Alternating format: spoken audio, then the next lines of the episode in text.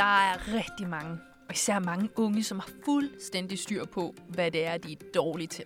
Sådan en lille hammer, de sådan kan bruge til at bokse sig selv i hovedet. Hvis vi så til gengæld spørger dem om, hvad de er gode til, så bliver de sådan lidt mere formelle. På True North Efterskole, der vil vi gerne ændre den kultur, og vi vil gerne arbejde med, at de unge blev meget mere klar over, hvad de er gode til. Der har vi fundet stor værdi i at arbejde med udgangspunkt i talenter. Og i den her artikel der vil jeg fortælle dig om nogle af de måder, vi har introduceret eleverne for talenter, og hvad vi bruger det til i vores hverdag. Talenter. Er det ikke noget, der hører til på en fodboldbane? Jeg har selv rigtig godt styr på, hvad mine svagheder er. Jeg ved, at mine sangevner, de trænger så meget til et løft, at min musicalinstruktør, han normalt skruer lidt ned for mikrofonen. Jeg ved også, at mine rapporter, de kan blive så snørklet, at jeg gerne lige skal have dem forbi et par hænder, før jeg sender dem ud. Jeg ved også, at jeg nogle gange kan blive så overvældende, når jeg møder nye elever, at jeg øver mig i at tage en dyb indånding og bare sige hej. Gennem skoletiden, studiet, fritiden og arbejdslivet, så har jeg gang på gang på gang fået fortalt, hvad det er, jeg er dårlig til, og hvordan jeg kan fikse det. Og det giver god mening, fordi selvfølgelig skal vi vide, hvad vi er dårlige til, for at kunne blive dygtigere og vokse som mennesker. Eller hvad? For hvad nu, hvis vi udover at arbejde med vores mangler, også var nysgerrige på vores styrker, på vores potentialer? Et historisk skift til fokus på styrker. I forlængelse af to verdenskrige, så begyndte flere psykologer, sociologer og andre forskere at stille det samme spørgsmål. En af de psykologer var Don Clifton. Han spurgte sådan her. What would happen if we studied what was right with people versus what's wrong with people? Med udgangspunkt i den undren, så udviklede Clifton et værktøj, som kan hjælpe med at finde frem til folks talenter. Det værktøj det hedder i dag Gallup Clifton Strengths. Og det består af 34 forskellige talenter, som man inddeler i fire store kategorier. Og de fire kategorier, det er relationelle talenter, strategiske talenter, påvirkende talenter og de handlekraftige talenter. Et talent skal hos Clifton forstås som et mønster af tanker, følelser og adfærd, som vi naturligt vender tilbage til, og som kan anvendes produktivt. Så lad mig give dig et eksempel. Da jeg første gang blev præsenteret for at bruge talenter på den efterskole, jeg arbejder på, jamen så kom jeg per automatik med 10.000 forslag, inden foredragsholderen overhovedet var nået til slide nummer 3. Altså, hvordan kan vi oversætte den oprindelige spørgsmålsguide til teenager? Kan vi udvikle et kortspil, der øh, appellerer til de der taktile læringsstile? Og kan vi egentlig få det hele på engelsk? Heldigvis så har jeg utroligt tålmodige kolleger. Altså, de arbejder jo trods alt med teenager. De smiler, de lytter, de spørger nysgerrigt, når min tornado af forbedringsforslag farer gennem rummet. Da vi så senere skulle udfylde hver vores talentprofil, så viste det sig også, at et af mine talenter, det er det optimerende talent. Størstedelen af mine kolleger, de har det inkluderende talent, hvilket er rigtig heldigt for mig.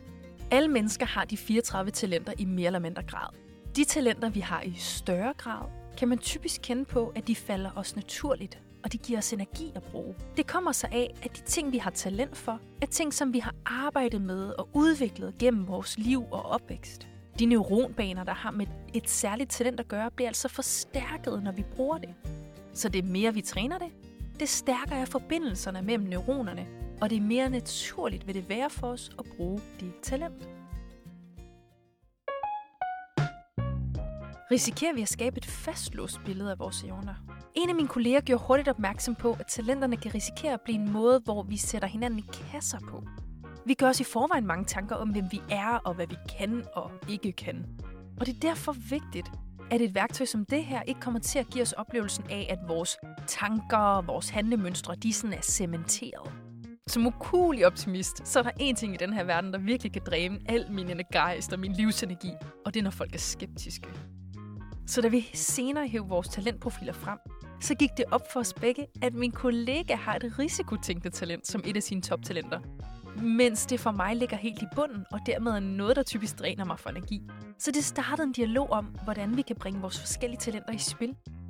I vores diskussion om fordele og ulemper ved talenter, bragte min kollega en lang række mulige faldgrupper på banen, hvorefter jeg kunne optimere og justere på værktøjerne, så vi undgik faldgrupperne og tilpassede værktøjet til vores målgruppe. Så ved at kunne i talsætte vores forskelligheder, og samtidig være bevidste om vores egne talenter, så endte vi altså med at lave en meget mere nuanceret og gennemtænkt plan for implementering af talenter på vores skole. Sådan her bruger vi talenter i hverdagen. Vi bruger i dag talenterne som det, vi kalder et dialogværktøj på flere forskellige niveauer. Først og fremmest så beder vi alle vores kolleger lave en talentprofil kort før de starter på skolen. Det giver os mulighed for at implementere talenterne i vores løbende skole-hjem-samarbejde. Vi bruger det som udgangspunkt for dialog om elevens styrker og udviklingsmuligheder og mål for året. Vi erfarer, at talenterne fungerer som et fælles sprog og afsæt, der altså gør det mere trygt og håndgribeligt for eleven at tale om sine egne styrker og mål. Eleven hiver så sin talentprofil op igen, når vi har undervisning. Blandt andet, når vi laver sådan noget som projektopgaven. Her faciliterer vores lærer en dialog i elevgrupperne om, hvilke talentprofiler de hver især har, hvordan de med fordel kan sætte dem i spil, og hvorvidt der er nogle faldgrupper ved den talentsammensætning, som de skal være opmærksom på. Og det er vores oplevelse, at talenterne gør det meget mere tilgængeligt for eleverne at overveje og tale om, hvordan de hver især indgår i og bidrager til det gode samarbejde. Udover at arbejde med individuelle profiler, så kan vi også lave en samlet talentprofil for en hel klasse. Vi er blandt andet begyndt at tage afsæt i de her klasseprofiler, når vi hver tredje uge har pædagogisk sparring med vores klasseteam. Her drøfter vi, hvilke talenter vi som lærer ser klassen bringe i spil, hvilken pædagogik og didaktik vi erfarer fungerer særligt godt for klassen, med afsæt i deres talenter, og hvilke talenter vi kan tale ind i, når klassen skal arbejde med ting, der er vanskelige eller komplekse. Og jeg må ærligt indrømme, at jeg er blevet vild med den her nye struktur. Fordi mine kolleger, de lyser helt op og bliver fyldt med energi, når de fortæller om de talenter, de ser eleverne bringe i spil. Og det smitter. Selvfølgelig har talenterne også deres begrænsninger. Vi arbejder stadig på, hvordan vi kan støtte eleverne i at få et nuanceret og kritisk blik på talenterne, så det bliver et dialogværktøj, og ikke sådan en rigid stempling. Vi skal også blive bedre til at udfordre os selv som lærer på ikke at have et fastlåst billede af, hvad vi kan med en klasse, bare fordi halvdelen af eleverne for eksempel har det analytiske talent som et toptalent. Talentarbejdet er stadig ret nyt for mine kolleger og jeg. Vi sætter pris på at bruge det som et udgangspunkt for vores løbende samtaler om, hvordan vi bringer hinandens forskelligheder i spil på måder, der skaber værdi for os selv og vores elever. Og vi håber, at det videre arbejde med talenterne kan understøtte en anerkendende og en styrkefokuseret tilgang til vores elever, kolleger og medmennesker generelt. For ting, hvis vores ungdomsgeneration kunne gå til en jobsamtale og ikke bare have blik for, at de synger dårligt eller formidler sig snørklet, men også kan fortælle, at jeg er drevet af at inkludere, udvikle mennesker og optimere, og det vil jeg gerne bringe i spil hos jer.